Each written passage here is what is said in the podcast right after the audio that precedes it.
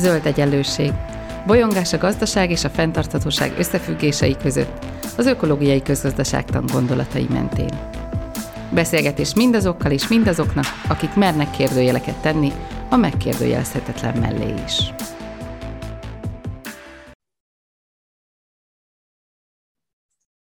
Köves Alexandra vagyok, és nagy szeretettel köszöntöm a vendégeimet, Koszesz Sándort, a Kollabor vezetőjét. Szia Sándor! Szervusz! A mai adásunk témája a 3D nyomtatás, és hogy a 3D nyomtatás az lehet-e egyáltalán a fenntarthatóság eszköze, és mielőtt ebbe belekezdenénk, azt szeretném kérni tőled, hogy röviden mutatkozz be, hogy a, a hallgatók is, is tudják, hogy kivel beszélgetek. Egyébként a hallgatókat is köszöntöm nagy szeretettel, ez így az elejéről lemaradt, úgyhogy most még gondoltam hozzáteszem, szóval, hogy a hallgatók is tudják, hogy, hogy kivel beszélgetek. Hát köszönöm a lehetőséget. Először is, tehát ami, ami talán a legfontosabb, hogy én most itt vagyok Békés Csabán, a Kollaborban, és hát ez, ez a álomprojektünk, hogyha azt lehet mondani. De természetesen nem innen indultunk, én eredeti szakmám szerint tanár vagyok, általános és középiskolai tanár, majd utána úgy alakult az életem, hogy a közművelődésbe dolgoztam jelentős időt, tehát így a közösségszervezés, közösségfejlesztés, és tulajdonképpen mindig közel volt hozzám, mert tanári pályám során is mindig valamilyen rendezvényt, eseményt szerveztem. És, és hát így jutottunk ide a kollaborig, amikor 2017-ben gondoltunk egy nagyot, és, és lényegében megalkottuk azt a helyet, ami eredeti és eredendő célja szerint természettudományos élményközpont, és ez a célja és funkciója ma is rendkívül fontos.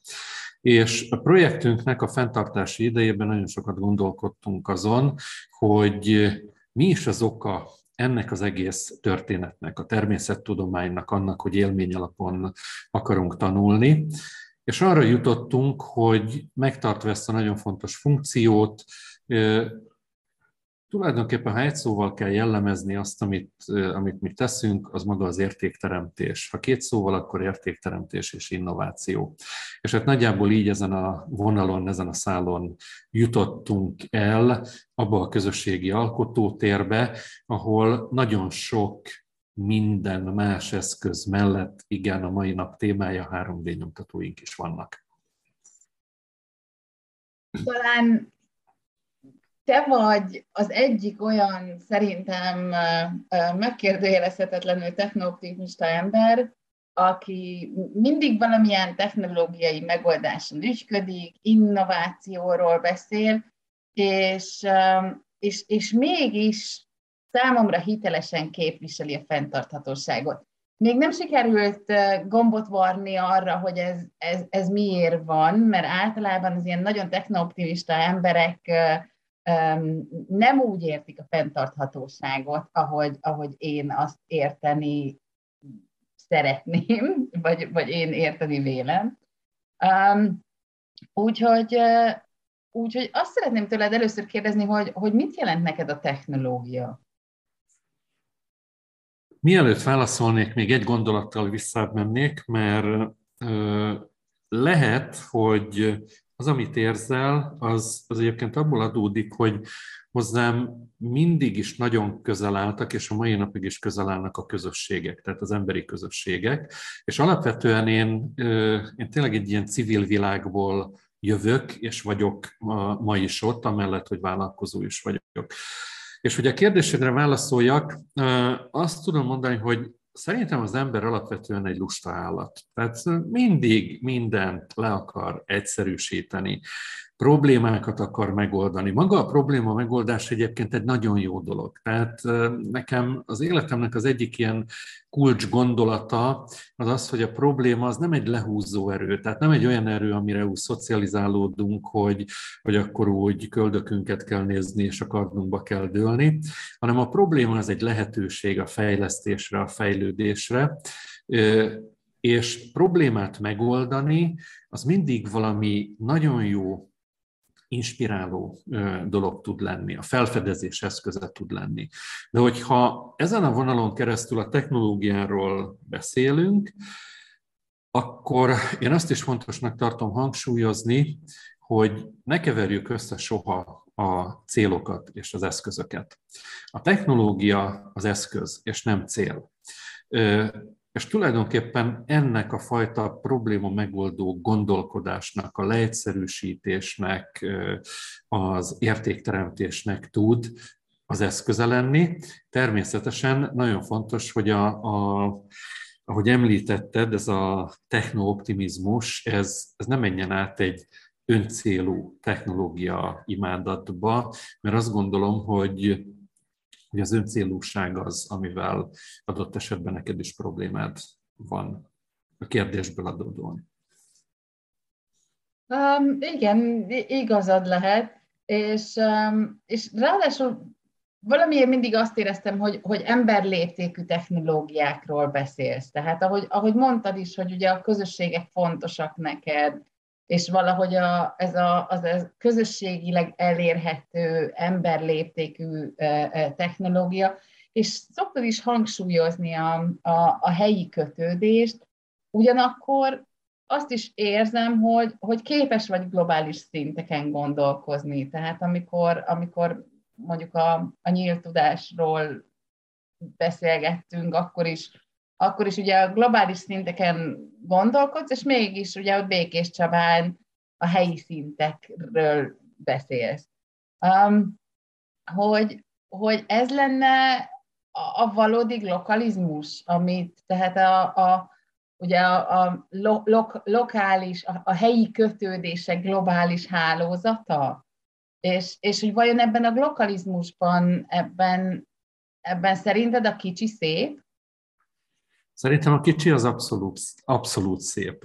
Az én életemnek is egy meghatározó olvasmányélménye volt ez a könyv, és, és igen, és akkor, amikor technológiára, innovációról beszélünk, akkor hozzám egyébként nagyon közel áll ez a az úgynevezett startup kultúra, ami most nem feltétlenül, vagy nem csak, vagy ma már abszolút nem csak kezdő vállalkozásoknak a módszertanáról szól, hiszen én azt tapasztalom, hogy egyre általánosabb ilyen innovációs gondolkodási metodológiává válik, és itt a kollabormányos, amikor fiatalokkal foglalkozunk, és nyitogatjuk a gondolkodásukat, akkor akkor egy ilyen startupos módon mindig azt mondjuk, hogy merjünk nagyot álmodni, és ezt a nagy álmot, ezt merjük lehozni a legkisebb első lépésre.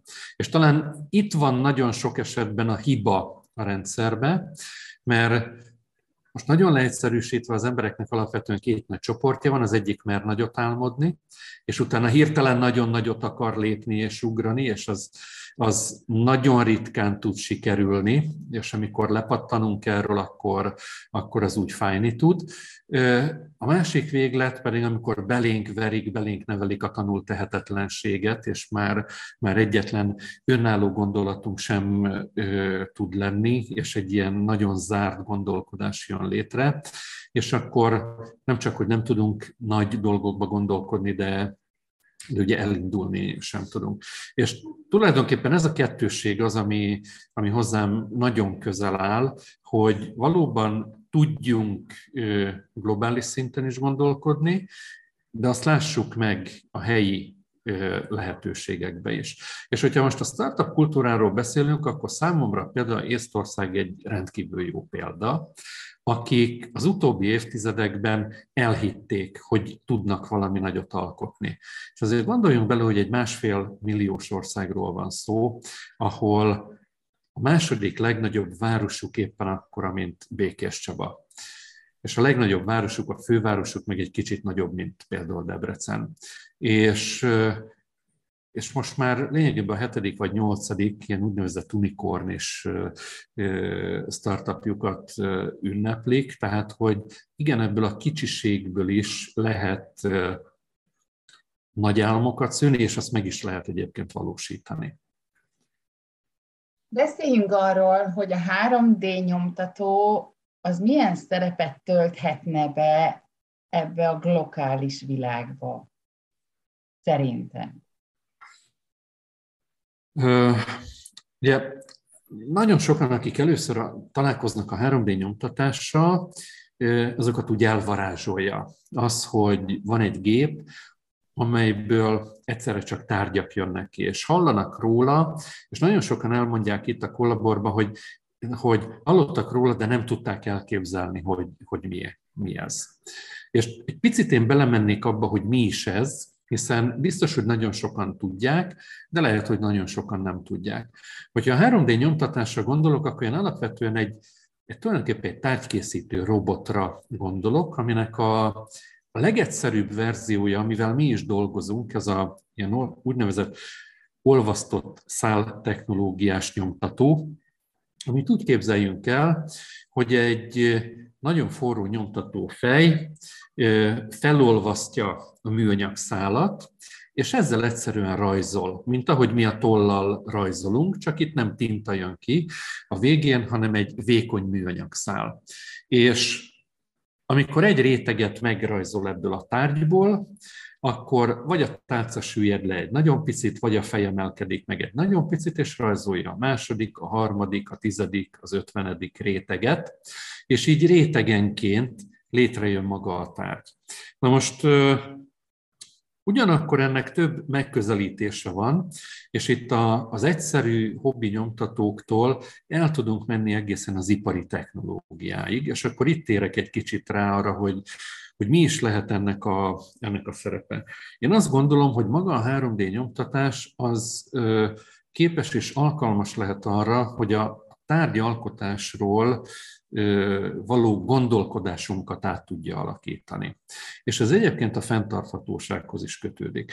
A közelmúltban középiskolás diákjaimmal, akikkel itt a kollaborban együtt dolgozunk különböző fejlesztéseken, néztünk meg egy, egy nagyjából tíz éves, vagy több mint tíz éves TED előadást, amely a 3D nyomtatott technológiával készülő utasszállító repülőgépek koncepciójáról szólt, egy ilyen jumbo jet, tehát hogyan lehetne majd 3D nyomtatással elkészíteni, és nagyon izgalmas dolgok jöttek ebből ki, mert amikor struktúráját tekintve egy ilyen csont szerkezethez hasonló hálós szerkezetet hoznak létre, ahol azt mondják, hogy hogy az üléseket már nem mint külön egység kell belerakni ebbe a, a, a gépbe, hanem, hanem a, a gép törzs része tud lenni, akkor az előadás nagyon font, nagyon fontos része volt, kitért arra, hogy, hogy mennyivel kevesebb anyagot kell felhasználni ebből a, ebből a teljesen áttervezett technológiából. Tehát, és hogyha ha innen indulunk ki, akkor itt nem csak műanyag szállal lehet nyomtatni, hanem el tudunk menni egészen a mikroméretektől egészen az épület méretekig. Tehát ugye ma már elkészültek a, az első 3D nyomtatott házak, épületek, amelyek sokkal gyorsabban el tudnak készülni. És akkor, amikor, amikor egy kicsit ilyen sci-fi-szerűen gondolkodunk a, a fiatalokkal, és megint a, a helyi lokalitást és ezt a globális gondolkodást találkoztatjuk egymással, akkor gyakran felvetődik az a kérdés is, hogy itt Békés Csabán például rendkívül sok földház van, tehát vert falu vagy, vagy vályokház.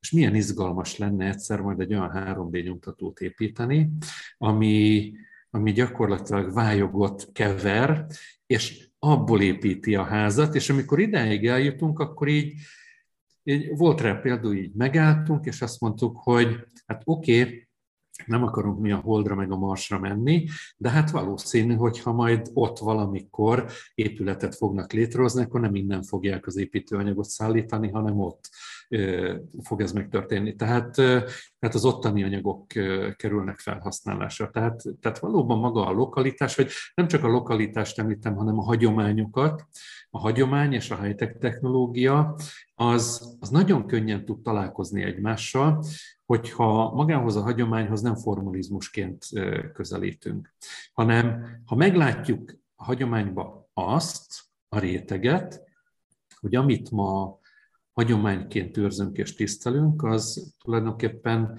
régi innovátorok örökségei, amit, amit ugye nemzedékek átörökítésre alkalmasnak tartottak. Tehát én már el is felejtettem, mi volt az eredeti. Most megkérdeznék szerintem sokan azt tőled, hogy hát ha már hagyomány, akkor miért kell a hagyományokat 3D nyomtatóval csinálni, miért nem lehet mondjuk így hagyományosan ha már hagyomány. A hagyományt nem kell 3D nyomtatóval csinálni, a hagyományt lehet hagyományosan.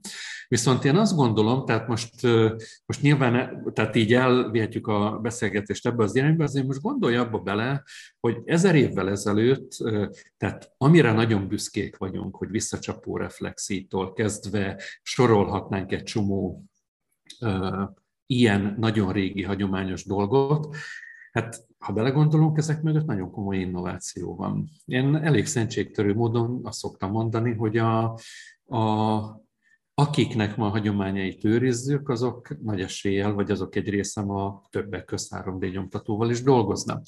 Tehát igazából itt visszatérek az első kérdésre, hogy az eszközt lássuk meg ezekbe, a probléma megoldás lehetőségét lássuk meg ezekbe, hiszen ha a hagyományra gondolunk, ott is azokat a dolgokat őrizzük generáción keresztül, ami valami miatt életbe vágóan fontos a társadalomnak, a közösségnek, és a többi.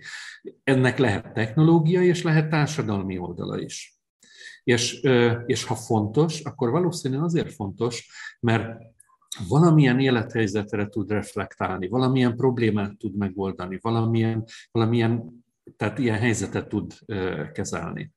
Tehát így ebből a, a megközelítésből én itt nem látok éles ellentétet. Én itt egy, egy folyamatos áramlást látok.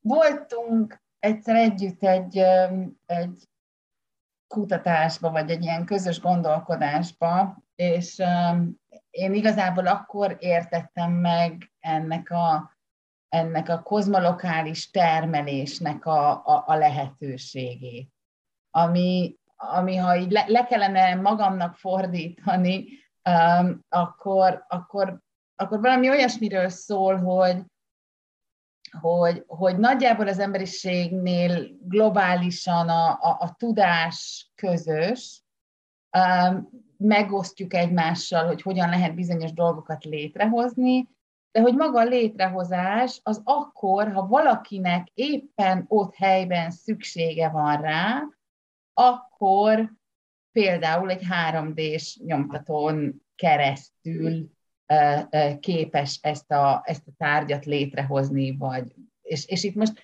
adott esetben még korábban megszületett tárgyak javíthatóságáról is szó van, tehát hogyha egy, egy alkatrész kell hozzá, vagy, vagy, vagy valami. És, és erről Bartos Gábor, a, a, a Nemzeti Fentartató Fejlődési Tanács titkárától hallottam egyszer egy jó kifejezést, ő, ő úgy hívta, hogy just-in-time fogyasztás, ami azt jelenti, hogy ugye csak akkor fogyasztunk, amikor éppen tényleg rájövünk, hogy szükségünk van rá, és, és, és ha ugye a 3D nyomtató, ezt már én mondom, nem a Gábor, de hogyha a 3D nyomtatón keresztül megéljük azt, hogy hát persze ehhez anyag kell, meg, meg ott, ott kivárjuk, vagy megnézzük, hogy ez létrejön, akkor ugye ennek, ennek van egy, ahogy mondtad, egy ilyen gondolkodásbeli változása is, hogy, hogy hát igen, ott, ott, ott látom, hogy ez létrejön, és nem csak elmegyek valahova leemelem a polcról. Hogy ebbe te mekkora potenciált látsz, és hogy, hogy szerinted ez létrejön ez, ez valahogy így a, a megszokott globális termelés mellett létre fog jönni ezen a technológián alapuló lokális just-in-time termelés, vagy, vagy szerinted van arra lehetőség, hogy, hogy mondjuk egyszer akár ki is váltsa? Hát én nagyon bízom benne, hogy igen, de egy picit messzebbről indulnék. Most, hogy a 3D nyomtatásról beszélünk, és hogyha ennek azért a, az alaptörténetét nézzük, akkor a technológia az 1980-as évektől rendelkezésre áll. És gondoljunk abba bele, hogy nagyjából egészen 2010-ig nincs áttörés. És ennek nagyon egyszerű oka van, szabadalmak védik a technológiát.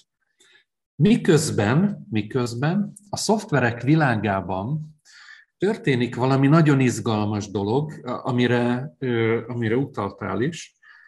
Megjelenik a open source, a nyílt forrású gondolkodás, és ugye a szoftverek világában immateriális termékekről van szó, tehát talán abban az értelemben könnyebb a, a helyzet, hogy itt kódokat írnak. Nyilván nem annyira könnyű, de mégis egy, egy ilyen úgynevezett open source nyílt forrású szoftverfejlesztés világában egyszer csak elkezdődik egy olyan folyamat, amikor a világ nagyon különböző tájairól egymást nem ismerő fejlesztők egy-egy közös projekten dolgoznak, és a tudását mindenki, mindenki beleadja. És maga a 3D nyomtatás azért is egy izgalmas dolog, mert ugyanezt a gondolkodást képes megvalósítani a tárgyak világában. Ez a 2010 környéki időszak, ez ugye azért is egy fordulópont, mert valahol ott szabadulnak fel ezek a szabadalmak, válik hozzáférhetővé a 3D nyomtatás technológia, és számomra egy nagyon kedves mérnök, egy cseh mérnök, József Prusa, Prusa aki a, fejleszt egy nyomtatót. És az ő neve fémjelzi ma is ezeket a nyomtatókat, és nyílt forrásúvá teszi, tehát ő is, illetve az ő cége is készíti ezeket, de bárki hozzáférhet, átalakíthatja, lemásolhatja, megváltoztathatja ezeket, és, és ilyen módon tényleg elindul valami, valami egészen más történet. És, és ehhez kapcsolódna azért most, hogyha egy keresőbe beírjuk azt, hogy 3D modell, akkor rengeteg olyan gyűjtő oldalt találunk, ahova ugyanígy az emberek lemodelleznek valamit, felrakják, hozzáférhetővé teszik, és, és, és tényleg maga az adott tárgy, a hiányzó tárgy, az, az egyszerűen kinyomtatható. És itt a kollaborban gyakorlatilag nap mint nap megéljük azt a helyzetet, hogy ugye mindannyian bosszankodunk azon, hogy eltörik egy filléres műanyag valami a tárgyon belül, és onnantól kezdve maga a tárgy használhatatlanná válik. És nap mint nap éljük azt meg, hogy, hogy jönnek és mondják, hogy nem tudnánk ilyet csinálni, vagy olyat. Tehát ilyenkor mindig ugye van egy modellezési munka vele, tehát mindig az első darab elkészítése a, a legnehezebb, a leghosszabb idő, de utána már, hogyha mi magunk is nyíltán nyitottá tesszük ezeket a modelleket, akkor ugyanúgy tudjuk segíteni a közösséget. Tehát, tehát ezen a területen is azt gondolom, hogy a 3D nyomtatásnak van egy nagyon forradalmi gondolata, és azon a területen is egyébként, hogy ma még azért nagyon hagyományos technológia alapúan gondolkodunk 3D-be. Tehát ugye amikor fából, fémből, bármi vagy műanyagból készítünk hagyományos eszközökkel tárgyakat, akkor azok a lapok, azok a az alapanyagok, amikből készüljük, meghatározzák a, a formát alapvetően. Viszont, viszont magával a 3D nyomtatással létre tudunk olyan tárgyakat hozni, ami kilép ebből a megszokott keretből. Tehát, hogy most egy nagyon egyszerű példát mondjak, gyakran szoktunk itt olyan kis dobozkákat nyomtatni, ami a zsanérral egybe van nyomtatva. Tehát amikor kikerül a nyomtatóból, akkor az már egy használati tárgy, vagy olyan, olyan kis kosárkát, bármit, ami, ami ilyen teljesen lapos, amikor kijön a nyomtatóból, de biztos mindenki ismer, vagy emlékszik gyerekkorából azokra a poharakra, amit így egy mozdulattal össze lehetett csukni, és egy mozdulattal ki lehetett nyitni. Na ugyanezzel a technikával egy kis kosárka is, ahogy kivesszük a nyomtatóból, egyszerűen ki, kihajtjuk, kinyitjuk, és onnantól kezdve egy, egy szerelés nélkül létrehozott használati tárgyá válik. Tehát, tehát nagyon sok lehetőség van magában a 3D nyomtatásban, és én egyetértek ezzel a just-in-time gondolattal, mert, mert valóban egyrészt, ha elromlik, megjavíthatóvá válik, vagy, vagy ugye nagyon közelévé válik maga a tárgy karnyújtásnyira, és, és nyilván, ha nincsen rá szükségem, akkor nem hozom létre, ha szükségem van rá, akkor létre tudom hozni. Tehát ez, ez valóban egy ilyen történet. És, és akkor még egy dolog, hogyha már fenntarthatóságról beszélünk, hogy gondoljunk abba bele, hogyha maga a tárgy létrehozó eszköz a rendelkezésünkre áll, és azt meg tudjuk valósítani, akkor tulajdonképpen magát az ellátási láncot a lehető legrövidebbre szabtuk. Tehát igazából igen, a tárgy létrehozásához is kell energia, kell alapanyag, de, de onnantól kezdve a készterméket nem kell szállítani, vagy, vagy sokkal rövidebb távon kell szállítani, sokkal kevesebb kézen keresztül kell ö, továbbadni, vagy adott esetben nyilván egy ilyen open source közösségen keresztül a magát a úgymond a termelőt és a fogyasztót ö, nagyon rövidre lehet zárni, ami azt gondolom, hogy a fenntarthatóságnak egy nagyon fontos szempontja. Ugye, ha, ha egy kicsit uh, megyünk tovább ezen a fenntarthatósági uh, gondolaton, akkor, akkor nézzük meg magának az előállításnak, mert ugye nagyon sokszor az van, hogy a, hogy a technológiáról azt mondjuk, hogy, hogy fú, hát ez szuper, meg, meg milyen jó dolgokat tud csinálni, és aztán kiderül, hogy, hogy, hogy, hogy valami valamilyen probléma áthelyezés van azért benne, és akkor kiderül, hogy nem tudom én, rengeteg energiát fogyaszt, vagy, vagy, vagy, vagy nem lehet újra hasznosítani, vagy, vagy, vagy ilyesmi. Tehát, hogy most, most szeretném, hogy egy kicsit erről is beszélnénk, hogy, hogy, hogy az, ami Nyilván a nulladik lépés az mindig az, hogy megkérdezzük, hogy valóban szükség van-e rá. Tehát, hogyha valaki bekapcsolja a 3D nyomtatót, akkor csináljon valami olyat, amire tényleg szükség van. De hogy ez egy, ez egy kicsit más kérdés. Akkor szerintem nagyon izgalmas kérdés az, és, és akkor ez lenne az első, hogy, hogy abban a az ilyen kozmolokális vízióban, ami, ami, amiben te gondolkozol, ki ki az, akié ez a 3D nyomtató? Mert, mert ugye a fenntartatóságban benne van ez is, hogy hogy, hogy hogy tudunk ehhez igazságos hozzáférést adni, kiket érintenek a, az előállítás költségei, annak a környezeti terheli, ki fogja ennek a hasznát zsebre tenni. Tehát, hogy, hogy, hogy ebben, ebben te hogyan gondolkodsz? Hát tulajdonképpen egy nyomtatóhoz ma már nem nehéz hozzájutni. Tehát azért itt egy olyan termékről van szó, aminek a, a belépő költsége már, már a, tényleg a megfizethetőségen belül van.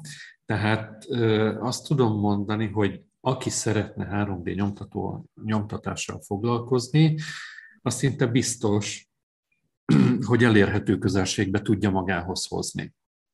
Tehát be tudja szerezni. És innen nyilván föl lehet menni egészen a professzionális gépekig, amit már nem feltétlen tud mindenki, mindenki beszerezni. Tehát, tehát itt maga a hozzáférés, az, az azt gondolom, hogy már kevésbé probléma. Hogyha magát ezt a open source gondolkodást veszem alapul, akkor, akkor azt mondom, hogy nekünk is van itt a kollaborban olyan nyomtatónk, amit nem kész állapotban vettünk, hanem úgynevezett kitben, tehát egy készletben. Ezt úgy kell elképzelni, hogy a műanyag alkatrészeit itt kellett kinyomtatni, tehát azt nem szállították, A fém és az elektronikai alkatrészek, a csavarok, egyebek jöttek, lényegében ezt csavarra bontva, és adtak hozzá egy nagyon szép, részletes, jó hosszú összeszerelési útmutatót, ami egyébként egy kiváló lecke volt. Én emlékszem, úgy kezdtem neki a szerelésnek, hogy fogalmam nem volt, hogy mit miért csinálok, de mire összeraktam a nyomtatót, addig már kívülről belülről ismertem. Na most ez nagyon fontos, mert ha elromlana, akkor gondolkodás nélkül szét tudom szedni, újra össze tudom rakni, tehát, tehát javítani tudom. A szükségre, amit kérdeztél, ott azt gondolom, hogy magában a 3D nyomtatás technológiában jelenleg még, ugye nem a hétköznapi életünk szerves része, még van egy jó nagy adag varázslat, tehát ez a, van egy ilyen hűha érzés. És ebben teljesen természetes, hogy amikor a, például akár itt nálunk és a gyerekek jönnek, akkor hozzájuk közel álló kis figurákat nyomtatják, és a többi. És erre lehet azt mondani, hogy hát ez nem egy olyan fajta szükséglet alapú, mint egy alkatrész nyomtatása. Én mégis fontosnak tartom ezeket a, a tárgyakat, mert ez hozza közel hozzánk, tehát ez teremti meg azt a gondolati kört, amit itt már mi nagyon sokszor átéltünk, hogy hiányzik tehát valami alkatrész, akkor nem dobjuk ki az egész terméket, hanem elkészítjük azt az egy alkatrészt hozzá, kinyomtatjuk és, és megvalósítjuk. És akkor és akkor itt, hogyha innen egészen elmegyünk a fenntarthatóságig, akkor ugye itt fel lehet tenni azt a kérdést, és lényegben a kérdésben benne is volt, hogy mi ez az anyag, amivel dolgozunk, hiszen, hiszen a műanyag azért ez egy elég nagy problémát jelent globálisan. És itt a kollaborban egyébként foglalkozunk magával az újrahasznosítással és ezzel a környezeti kérdésekkel is, és ilyenkor ugye fel lehet tenni a kérdést, hogy magával a műanyaggal van probléma alapvetően, vagy miért használunk ennyi műanyagot? És erre gyakorlatilag az egyik lehetséges válasz az, hogy azért, mert egy olyan anyagról van szó, amiből nagyon könnyű létrehozni tárgyakat, nagyon sok mindent. És önmagában nem biztos, hogy magával az anyaggal van probléma. Sokkal inkább azzal van probléma, hogy nem kerül újrahasznosításra, vagy nem minden része kerül újrahasznosításra, nem kerül vissza a körforgásba. Tehát, hogyha ha itt újrahasznosításról lehet szó, akkor, akkor az már nem szemét, hanem annak célja van. És ugyanakkor ugye ezeknek az anyagoknak egy része, amivel mi is dolgozunk, ez maga a biopolimer, tehát ez a, a biológiailag lebontható anyag, ez általában kukoricakeményítő alapanyagú. Na és akkor ez, ez megint felvet aztán dilemmákat. Ugye, hogy, hogy akkor most a termőföldet műanyaggyártásra használjuk, vagy, vagy hogy legyen ez. A, de ugyanakkor nem ilyen egyszerű ez a dilemma, mert ugyanakkor meg azt is mondjuk, hogy de hiszen a körforgásos gazdaság az mennyire fontos. És azért, ha belegondolunk, akkor egy körforgásos gazdaságban végső soron az alapanyagaink előbb-utóbb nem a föld alól, hanem a föld felől, fölülről fognak jönni, érkezni. Vagyis a a mezőgazdasági termelésnek ma is van, és valószínű, hogy a jövőben is lesz olyan területe, ami lényegében egy, egy ilyen alapanyaggyártásra fog foglalkozni. És akkor ehhez hadd mondjak egy sztorit. Az egyik középiskolás csapatunk egy középiskolás ötletversenyen, versenyen indult, és a műanyag problémát helyezték a fókuszba, és azt mondták, hogy hát hozzunk létre ilyen biopolimert. Na most hát ilyen van egyébként, de, de mégis az ő esetükben az volt a nagyon izgalmas, hogy ők itt a kollaborunknak a kis konyhájába egy gépészmérnök barátunkkal elkezdtek főzni, és akkor burgonya keményítőből, glicerinből, savakból, egyebekből szépen főztek egy ilyen polimerizált anyagot. És miközben ez megtörtént, közben kezdtek el gondolkodni azon, mert ugye ezekről a kérdésekről beszélgettünk, hogy oké, okay, ez nagyon jó, mert ez vissza tud kerülni a természet körforgásába, de a dilemma az, hogy közben meg termőföldet veszünk el. És akkor föl, és ugye, hogy kukoricából készül. És akkor felvetődött az a kérdés, hogy és nem lehetne esetleg nem a kukorica szemből, hanem a leveléből, szárából, bármi más részéből. Aztán felvetődött az a kérdés is, hogy ha a mezőgazdaságban megtermelt élelmiszerünknek nagyjából a 30%-a hulladékba kerül, akkor nem lehetne ebből a biomasszából? Tehát most ugye most arra gondoljunk, hogy, hogy ez a biopolimer, ez a növényekben lévő cukroknak a polimerizálási folyamata. És és utána ennek lett olyan módon folytatása, most ez még nem ment innovációs fázisba, hogy az egyik környékbeli település polgármestere volt épp nálunk, és hát meséltem nekik a középiskolás fiatalokat, és hát az ő településük nagyon híres arról, hogy dinnyét termelnek. És akkor, amikor azt mondtam, hogy ezt nem csak kukoricából lehet előállítani, hanem mert itt a cukrokra van szükség, és például akár cukorrépából is, akkor azt mondta, hogy és dinnyéből nem lehetne. És én úgy csodálkoztam ezen, hogy hát, hát a dinnye azért ennél finomabb. De ő azt mondja, hogy hogy ugye amikor letett, tehát van egy olyan fázis, ugye mindannyian tudjuk, amikor már nem olyan jó ízű, amikor megöregszik, stb. És még rengeteg marad a földeken. Na most, hogyha ha nem tudunk ilyen őrültségekbe gondolkodni, akkor soha az eszünkbe nem jut, még nem tudjuk, hogy hogy kell túlére dinnyéből polimert készíteni. Dinnyehéjból. Vagy dinnyehéből, vagy bármi másból.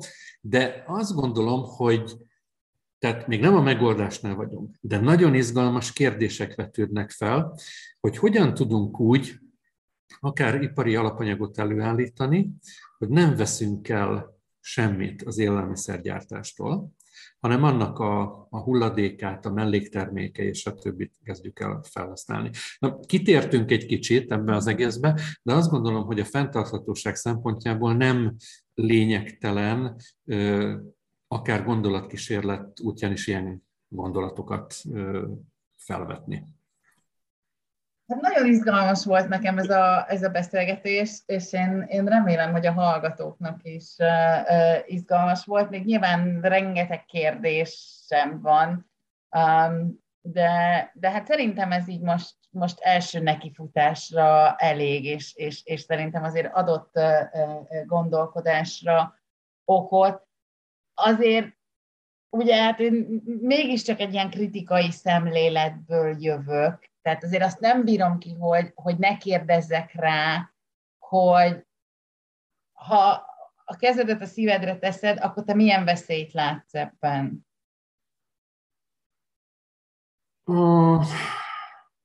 Ez jó kérdés. Nyilván, nyilván az egy veszélyforrás, hogy mit tudom én, a, a videókészítésből nem tudunk felnőni. Aha. Ugyanakkor, ugyanakkor meg azt mondom, hogy egy tanulási folyamatnak meg nem feltétlenül káros mellékterméke a videókészítés. A, és gondoljunk abba bele, tehát nekem mindig az jut eszembe, a 3D nyomtatás kapcsán Nekem sokszor eszembe jutott az, hogy én a 80-as években találkoztam először fénymásolóval, amikor főiskolás voltam.